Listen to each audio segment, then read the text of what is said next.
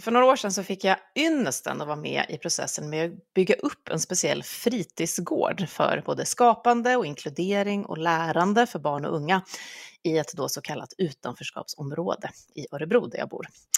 Och om den fysiska fritidsgården för digitalt skapande som heter Trainstation, den kan man faktiskt höra om i avsnitt 39 tror jag det är, av Livslångt med grundaren som är med då. Men det här är något som jag sedan dess bär med mig för alltid tror jag. Och det jag såg hända när alla unga blev inkluderade på en plats, i ett lärande, i processer som bara andades framtid och hopp på mm, hur mycket det betydde då för inte bara alla inblandade utan för hela samhället runt om, är något som för alltid stannar kvar för mig. Livslångt, en podd om lärande.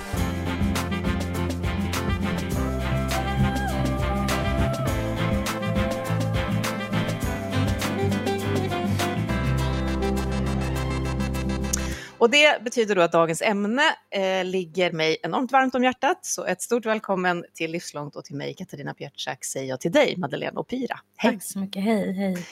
Jättekul att ha dig här. Och låt oss börja då med vår bästa fråga i den här podden. Vem är du, Madeleine? Bästa och klurigaste fråga. ja, yes. Men alltså, jag skulle nog säga, jag, var tvungen att fundera, jag är tvungen att fundera på det och jag tänker att eh, jag skulle vilja beskriva mig som att jag är en produkt av Husby. Eh, mm. Och med det menar jag att jag eh, har bott större delen av mitt liv där, minst 30 år plus utav 40, snart 42 år.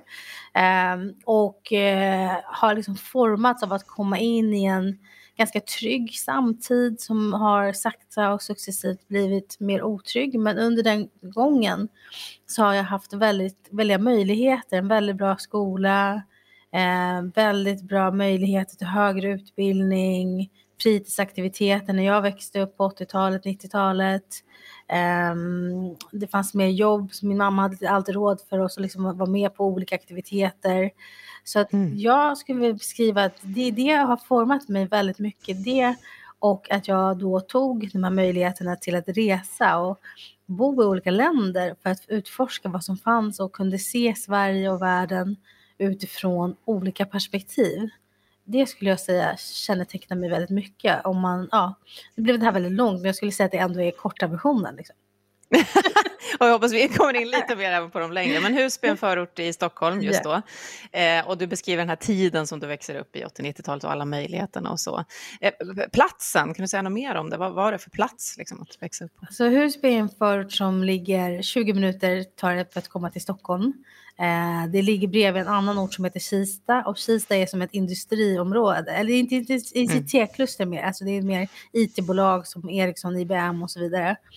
Och ändå är det som två olika världar, alltså Husby är en liten mindre plats där människor kanske inte alltid har ett jobb att gå till, där det är högre kriminalitet, det är högre eh, ohälsotal och så vidare. Men samtidigt i det här så lär man sig att uppskatta en fralla för en krona. Om jag säger mm. på så sätt. Och man lär sig dela liksom, eh, med kompisar och man lär sig uppskatta att vara här och nu och gemenskap. Eh, och man lär sig vara kreativ. Så att det, allt har sina för och nackdelar. Men det ja, skulle jag beskriva Husby som.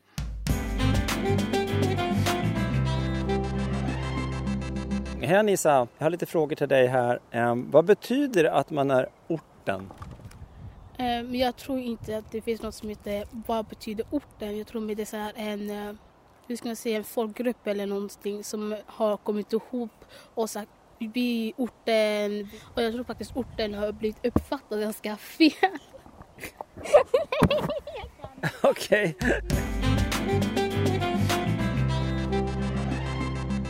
Och då är du inne på det här med det livslånga lärandet. Du ska få berätta mer om vad, vart det har tagit dig sen. Men, men, när jag säger livslångt lärande och du berättade just om de här sakerna, vad, vad innebär det här livslånga lärandet för dig skulle du säga?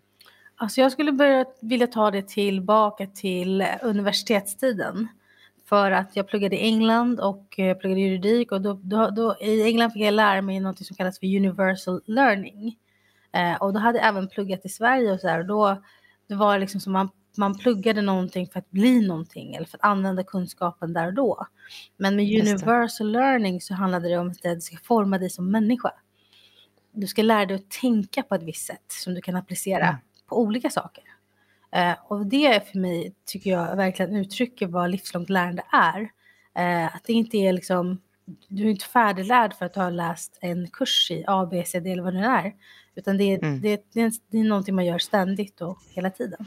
Det har ju folk varit inne på förut i vår podd, att eh, vi kanske i Sverige saknar lite av det här mer liksom, mellanrumslärandet, eller det du beskriver nu så himla fint, universellt lärande, alltså, transversellt till och med, över gränser. Liksom. Är vi, har du erfarit att vi är liksom lite sämre på det i Sverige än på andra håll då? Alltså? Men jag tycker det, för att vi, vi jobbar ju väldigt mycket i silos, eh, det vill säga stuprör, eh, och att mm. vi, om man, vi säger att man studerar ett ämne, juridik eller musik eller franska, vad som helst, då ska man bli någonting inom det. det är liksom, mm. Då är man färdig, man är liksom, men dens destination, den, den är redan utstakad. I universal learning, så i England, så kan du ha pluggat musik eller fotboll eller vad som helst. Och du kan fortfarande bli jurist eller banker eller vice versa. För att man lär mm. sig ett tänk snarare än eh, ett ämne. Eh, och jag kan tycka att det finns en fördel i att va, ha den där flexibiliteten. Eh, ja. Verkligen, och det låter ju som någonting som många idag efterfrågar också. efterfrågar när vi eh, ska hantera ett komplext samhälle och det finns mycket som liksom verkligen går på tvären. Men du valde ju då ändå juridik som någon slags specialistgren efter det där. Hur blev det så? Vad ville du med juridik? Alltså det, det är så här att när jag pluggade då i, i Husby, Husby eller Husbyskolan hette det då, så var det en kompis som var mobbad. Eh, den kompisen, eh, det blev en rättegång av det hela. Så jag och tre kompisar till, vi följde med och tittade på den här rättegången. Eh, mm. och jag framför allt blev så fascinerad av hela förfarandet. Så vi tittade på flera andra. Vi kollade på urkundsförfalskning och vi tittade på, Eh, jag kommer inte ihåg längre vilka, men det var tre, det var no, alltså med snatteri var ena då, som, så var det liksom någonting, no, någonting till. Eh, och eh, jag var så tagen av hela processen och allt som skedde, så jag visste där och då jag var 15 år, jag bara, det är där. det där ska jag bli. och vet du vad du vill åstadkomma då? För jag såg nu på din sida ja. så skriver du om ditt eget varför. Ja. Så hur kopplar det här samman? Vad är, det du, vad är ditt syfte? Det, det var från början att jag ville bli, jobba i Haagtribunalen och jobba med mm. krigsförbrytelser. Och jag ville jobba stort internationellt och jag ville jobba med svåra frågor. Men eh, när jag började plugga juridik så blev nästan alla, alla, alla ändrade inriktning ganska fort. Och för att mm. göra en lång historia lite kortare så hamnade jag inom samhällsentreprenörskapssektorn, eh, branschen. Eh, fortare innan jag hann testa på att vara jurist. Mm. Finns hagdrömmen kvar? Eller är det... Nej, inte riktigt. Nej. Nej. Den har jag släppt. Ja. Mm.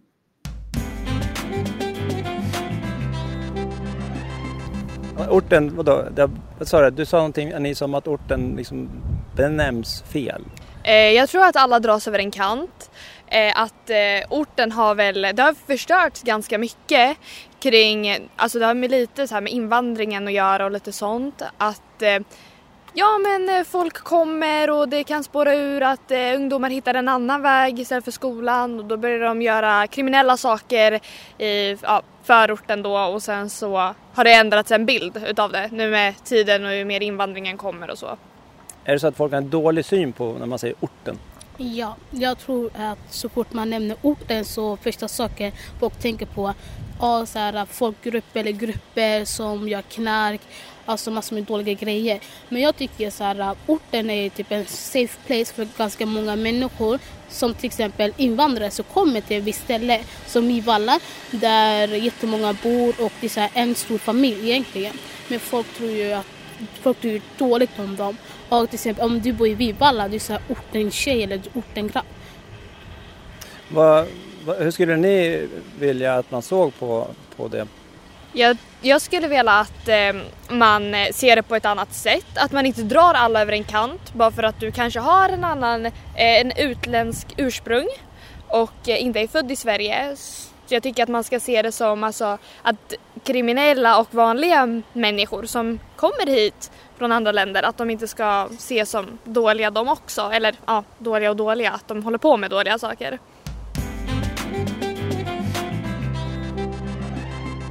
Men det som tog dig då, bland annat det som har gjort att jag har bett dig komma hit idag eh, och som handlar just kanske om samhällsentreprenörskap, samhällsutveckling, eh, det är att du, och det finns säkert många andra vägar på vägen till det, men du har då grundat något som heter A Million Minds. Eh, berätta lite om det, Madeleine. Vad är det för något? Million Minds är ju i grunden en tanke och handlingsmedia.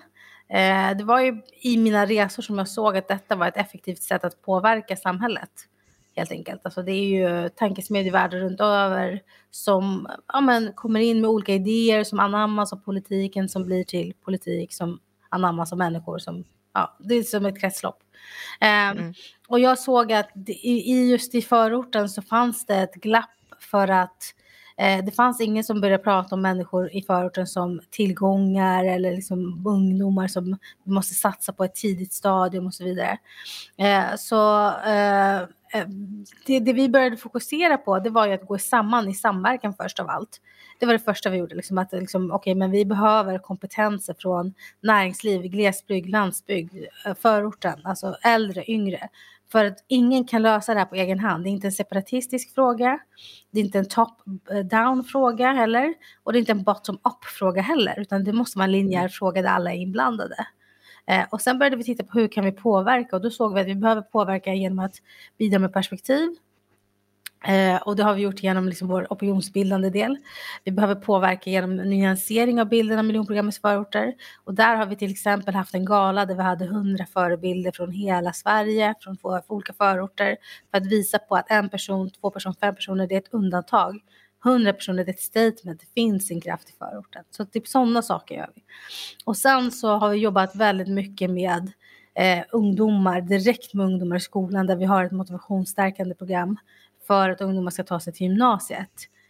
Um, jag kan bara nämna också att vi har också numera en sajt som heter förorten.nu där vi också lyfter olika perspektiv för att föra debatten framåt och lyfta röster. Och när du säger det här, det här, det här är en fråga som måste gå på tvären, alla måste vara med oss. Hur skulle du beskriva den? Vad är det vi försöker utveckla eller, eller lösa, eller hur du nu beskriver det? Ja, men det är ganska komplext och ganska enkelt på samma gång. Eh, mm. Det är komplext för att det är liksom så här, hur ändrar man en mänskligt beteende?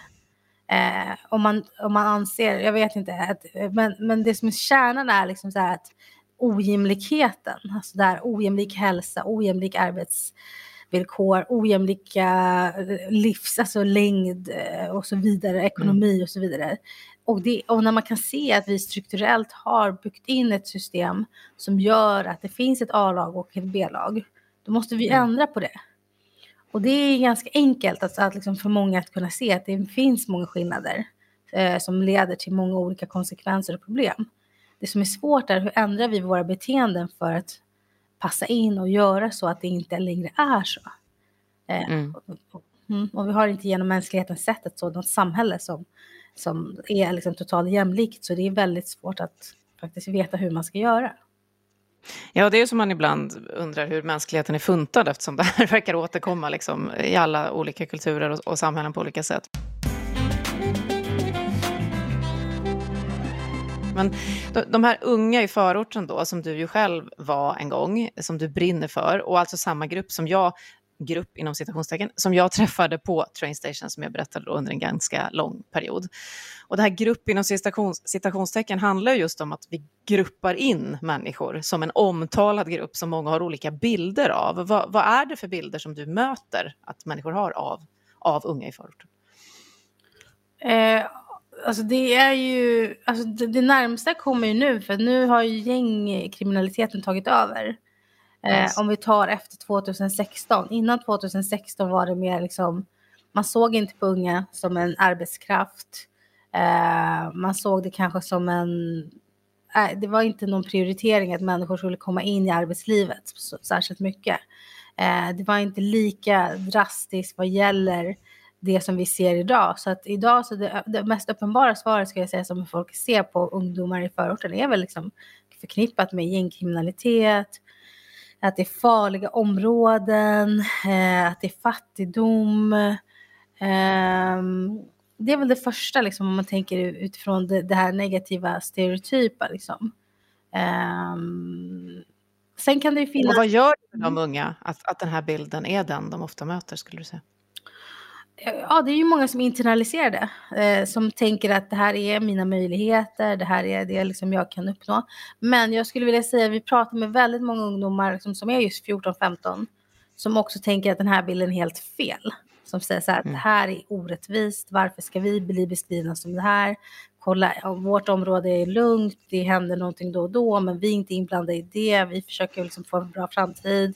Som är väldigt medvetna om hur den här bilden är och som tycker liksom att, som har en reaktion på, på en sån bild också. Och du sa att ni försöker hjälpa till med motiverande krafter. Det låter för mig då som att det verkligen också handlar om att fortsätta lära och bli då en del av ett samhälle. Det som du själv beskrev kring mm. din eh, resa. Hur kan ni jobba med det då i när, när man vill liksom gå emot den här stereotypa bilden? Mm. Alltså det som vi ser är att om man jämför ungdomar, det är så här, man tittar på gymnasiebehörigheten, så gymnasiebehörigheten är över 80 procent i, i snittet i landet. Jag tror det är 86 någonting nu, jag är inte helt säker på siffran. Mm. Men i vissa områden har det varit så lågt som 39-40 eh, procent genom årens gång.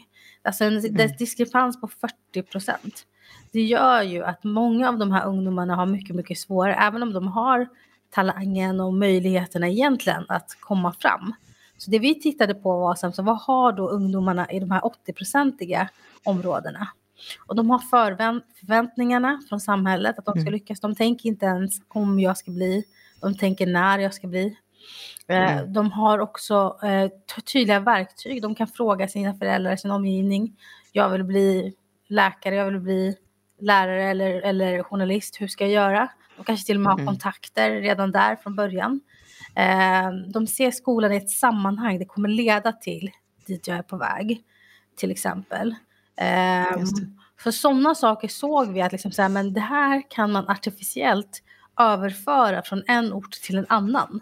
Så då har vi tagit liksom förebilder från näringslivet och kopplat in dem och de är med och har höga förväntningar på de här ungdomarna.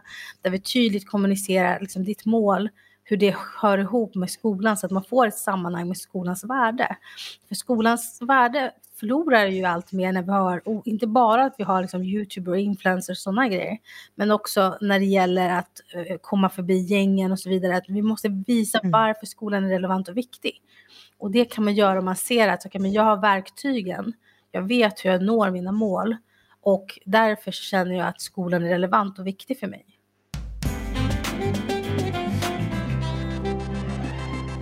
Och eh, ni går i nian och ska vidare till gymnasiet och eh, det finns säkert en massa drömmar i era hjärtan. Vad har du för drömmar Anisa om framtiden? Jag drömmer om att jobba inom vården och hjälpa samhället och hjälpa ganska många människor. För det är en sak som jag brinner för. Och du, Emina? Um, min dröm är att bli jurist, att bli advokat, försvarsadvokat. Um, och sen uh, flytta utomlands med, med en fin familj och ett stort hus. Kan skolan hjälpa dig att uppfylla dina drömmar? Eh, ja, det tycker jag. Eh, med uppgifter och sen att peppa och motivera ungdomarna, speciellt hur generationen ser ut idag.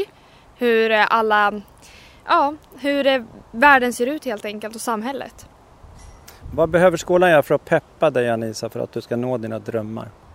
Till exempel hjälpa mig genom betygssätt, alltså betygsmässigt och eh, gå så praktik och bara alltså hypa upp mig. Ja, men du klarar det här, du ska bli det här och det här. Du klarar så länge du försöker. Och jag tycker att så länge man försöker så är det det bästa, alltså gör ditt bästa. För det är bättre om du försöker och misslyckas än du inte ens försöker överhuvudtaget. Tycker du att du har fått den hjälpen i din skolgång? Absolut.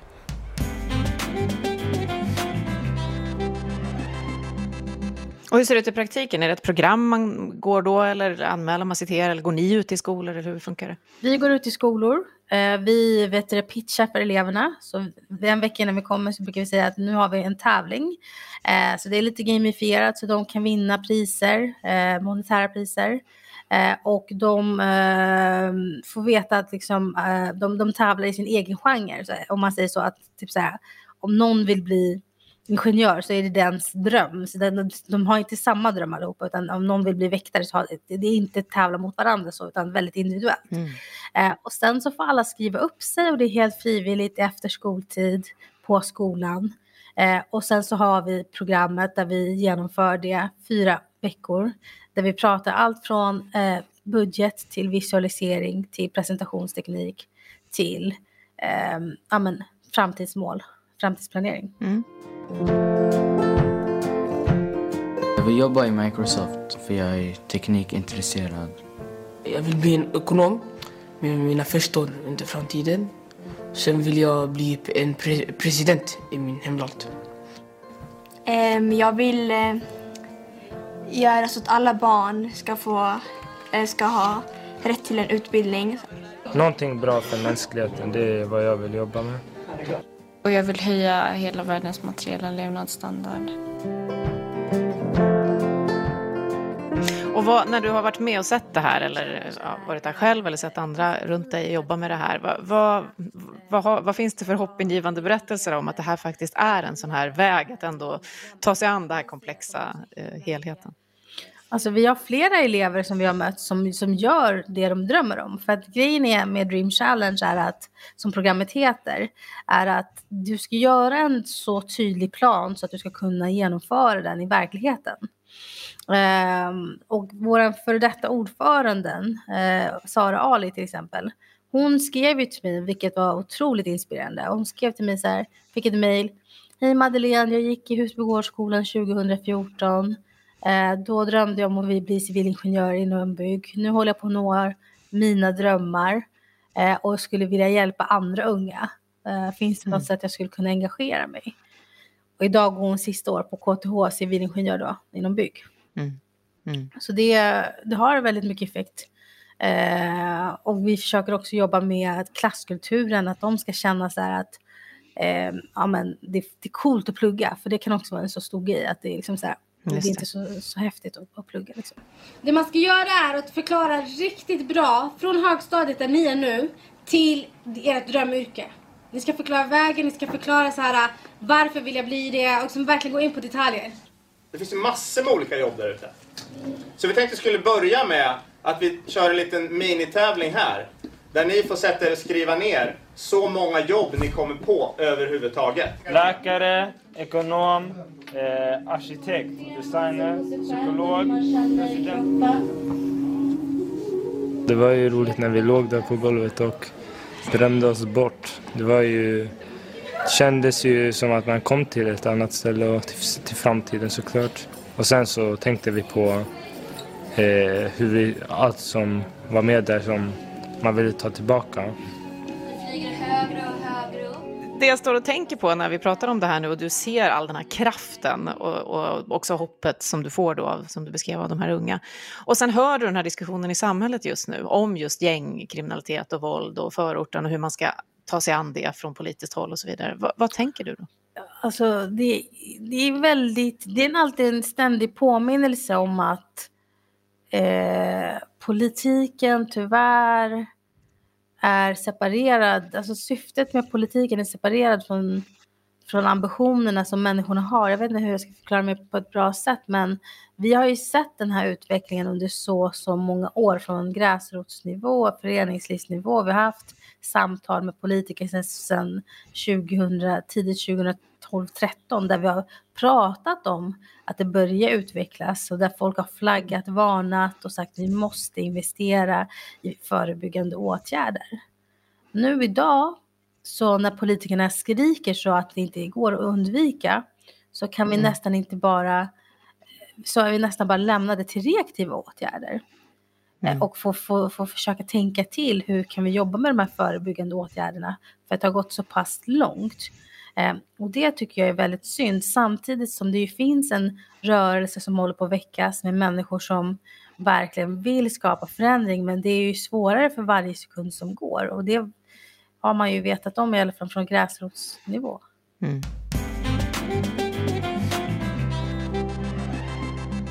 Ni är en, en rörelse, eller en sån smedja som du beskrev. Eh, väldigt tilltalad av tanken på tanke och handlingssmedjor som du uttryckte det.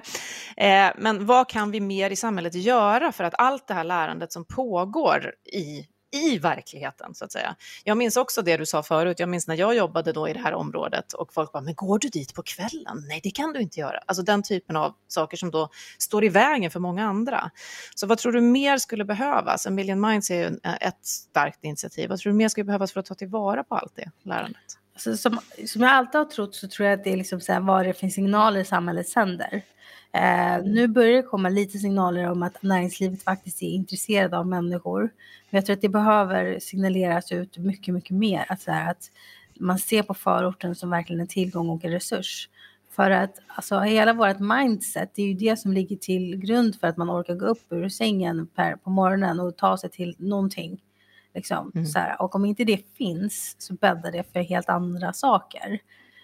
Um, så jag, jag tänker att, liksom att om man visar att man menar allvar med den här frågan i liksom ord och handling. Um, ehm, och eh, rent konkret så tror jag ändå liksom på att det måste vara både förebyggande och reaktiva åtgärder. Men att de reaktiva åtgärderna ska bygga ändå på evidens tror jag är viktigt. Och inte så att man förhastar sig och går in på så här hårdare straff om det inte finns något evidens som stödjer att det här liksom faktiskt ger effekt. Eh, och att man tittar väldigt mycket mer på eh, alltså mänskliggör människor från förorten också. Så att det liksom blir att man inte, jag, jag tänker mycket på det man pratar om gängets barnsoldater till exempel är en jättebra mm. sak. För att eh, när man pratar om barnsoldater i internationell kontext, då handlar det om att skydda barn. För att de har mm. hamnat liksom, hos en förövare. Men när man pratar om gängets barnsoldat här i Sverige, då handlar det om att man ska ge 12-åringar typ av hårdare straff. För att de, man, och det är vad jag menar med det, vad jag försöker illustrera, är snarare liksom så att eh, en människa som är helt alienerad har ju snart ingenting att förlora. Och jag mm. tror att vad jag försöker säga är att vi måste ge människor en anledning att inte känna så. Mm. Du beskrev det inledningsvis här som en produkt av Husby. Eh, så du har ju växt upp och du sa att innan gängvåldet tog över debatten så var det en annan typ, men fortfarande en liksom segregerande bild, en lite alienerande bild och så. Vad, vad, förutom rättegången du var på, vad fick du tag i som ändå gjorde att du kände den här meningen med att plugga vidare? Du tyckte högre studier var intressant, du har liksom skapat dig det livslånga lärandet. Vad tror du var det avgörande? Eh, alltså jag tror att det avgörande har varit vilka, alltså att min mamma var väldigt, väldigt drivande i att, att, att, att allt är möjligt. Men som mm. sagt, jag växte upp i andra förhållanden och det var inte segregerat på det sättet. Det var socioekonomiskt segregerat, men det var inte etniskt segregerat om jag säger så. Mm. Eh, och eh, som sagt, Husby, Husbyskolan var en av de fyra bästa skolorna i hela Stockholm när jag gick där eh, på 90-talet. Eh, så då kändes det som att de pushade oss verkligen till att tro att allting var möjligt. Eh, och sen efter det så var det föräldrar, ehm, gruppsammansättning. Jag gick i en klass där man tävlade om vem som hade bäst betyg i högstadiet. Eh, man blev ledsen om man hade 49 av 50 typ. Prestationsinriktat. Ja. Men om jag hör dig rätt så handlar det, för det var du inne på också med de unga i ert program, att det här med att få ändå krav på sig i sitt, i sitt lärande och sin utveckling, att så här, vi förväntar oss någonting av dig, är en avgörande faktor. Ja, alltså jag skulle använda ordet förväntningar snarare än krav. Liksom mm. Att så här, vi tror på dig, vi, vi, vi, vi, liksom, det här är vad vi ser att du kan göra, så att man själv känner en, en att man vill nå upp dit. Men krav kan ju vara viktigt också, men jag tror mer på förväntningar som, som en eh, motor. Mm. Vi har en förväntan och ett hopp om dig, låter det också som. Exakt. Vad skulle du säga att du själv har lärt dig allra mest genom att göra den här resan efter juridiken? Det som du håller på med nu, det som du försöker skapa ditt eget varför. Vad har du lärt dig mest av det? Eh, alltså, till stor del så har jag lärt mig att det finns en enorm kraft bland människor liksom, som går ihop och som vill göra saker tillsammans. Eh, jag har också lärt mig att komplexa frågor kräver samverkan verkligen eh, för att det ska komma någon vart. Jag har också lärt mig att det är inte en spikrak väg. För att även om man tycker sig ha svaret eller att folk sitter på svaren så har alla olika, liksom, alla har olika ambitionsnivåer och hastigheter och inriktningar. Mm. Och det, gör, det, är en, det är en stor lärdom, liksom, så här, att, eh, samhället, ja, det, det är ett samspel liksom, i samhället och hur navigerar man i en sån terräng liksom. Ehm, jag har lärt mig att ungdomar ibland kan göra otroligt mycket bara de blir sedda. Eh, det är ganska häftigt att det är en liten sån sak, en liten så att, att människor alltid har, alla blir inte sedda. Så när de blir sedda så blir det som liksom så här, en, en, en möjlighet att se sig själv kanske, tänker jag. Du sa att det är svårt, att vi alltid i samhällen har betett oss så här. Det, är en svår nöt att knäcka så att säga. Mm. Tappar du hoppet någon gång? Eller ser du att vi kan faktiskt ta steg framåt med allt det här som du just beskrev i samverkan? Nej, det är klart man tappar hoppet. Alltså 2015, 2016 när det var som värst där, att återkomma till den, då kände jag väl att jag tappade hoppet. För det kändes liksom så här, vi började använda ord som politisk pingpong. För att det var så mm. tydligt att politikerna spelade någon slags spel istället för att inse allvaret i att så här, vi har, det här är jätteallvarligt. Det var sex ungdomar som hade mist livet under en höst. Jag eh, kommer fortfarande ihåg det och det var jättemycket då. Sex mm. ungdomar. Idag är det liksom ingen, det går inte att jämföra. Men, men, och att man inte agerade då. Eh, och, och den insikten om att, att vi i gräsrotsnivå, liksom, vi är så små och vi har inte de resurserna för att kunna göra den skillnaden som skulle kanske göra mer skillnad, även fast vi sitter och ser liksom problematiken inifrån. Um, det gör ju att man tappar hoppet, för man hoppas ju att man ska kroka arm med näringsliv, politik och offentlig, allting tillsammans. Liksom. Uh, så att uh, samtidigt som det finns också hopp i att det finns många människor som uh, är engagerade inom de sektorerna också. Mm. Så idag när du behöver fylla på hoppet, vad gör du då? Eh, då försöker jag komma ihåg mitt varför. Mm. Och mitt varför är ju liksom så här att jag, vi, vi och jag tror ju på att så här, om ungdomarna från varje ort i Sverige kan säga att ja, men jag tror att jag har liksom möjligheter att lyckas i livet. Jag känner att jag, jag, jag liksom kan påverka min framtid i rätt riktning eh, när de fyller 18 och har gått igenom grundskola och gymnasie. Eh, de känner att de har en plats i samhället.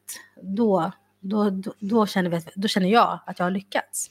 Eh, och det är mitt mm. varför, det är det som driver eh, vetskapen om att det inte är så idag, men att det kan bli så en dag.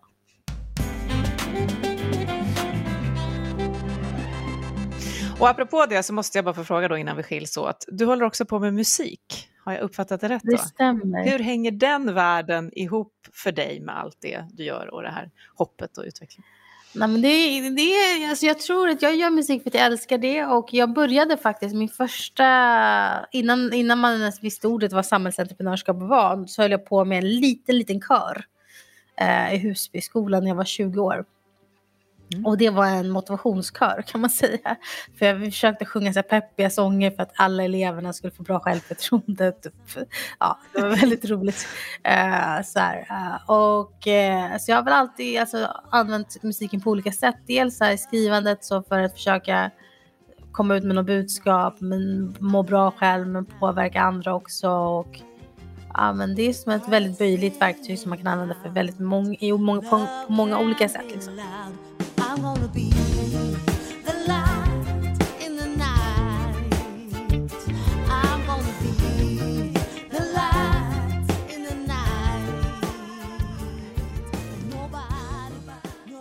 Mm. Och jag frågar för att jag har väl nämnt någon gång innan podden förut att jag också hållit på mycket med musik och det är typ min högsta dröm att jobba med projekt som inkluderar människor, gärna unga, lärande och musik.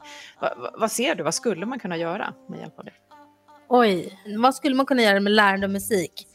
Eh, jag tänker att man kan göra väldigt mycket, för jag tänker att eh, ja, men dels så tror jag att många unga, unga lär sig mer via musiken. Liksom. Eh, texter, tolkningar, vad handlar det om? Vad betyder det egentligen? Det finns mycket man kan göra. Mm. Ja, och det är fler som är på det. Eh, bland annat på den här fritidsgården jag då inledde med har vi nu till exempel Boris René som också varit gäst i den här podden som eh, jobbar med unga och produktion av musik och så. Tänker i eh, diskussionen om hopp att det skulle kunna vara en, en av vägarna dit.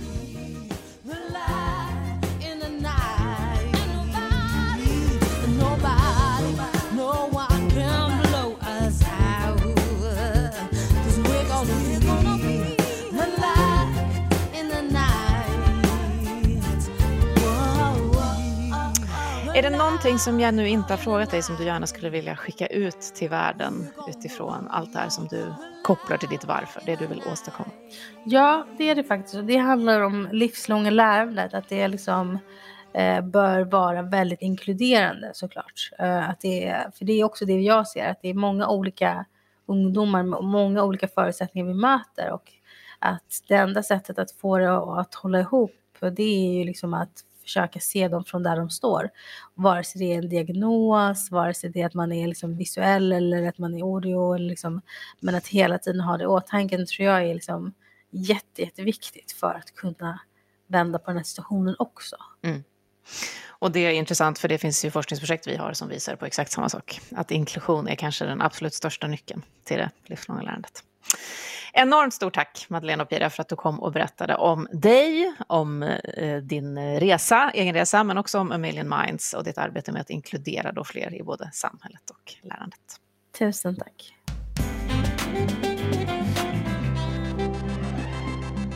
Du har just hört Livslångt, en podd från RISE om allt det där man lär sig i livet. Och reporter i avsnittet var Jonas Edlund. Vi hörs om en vecka igen.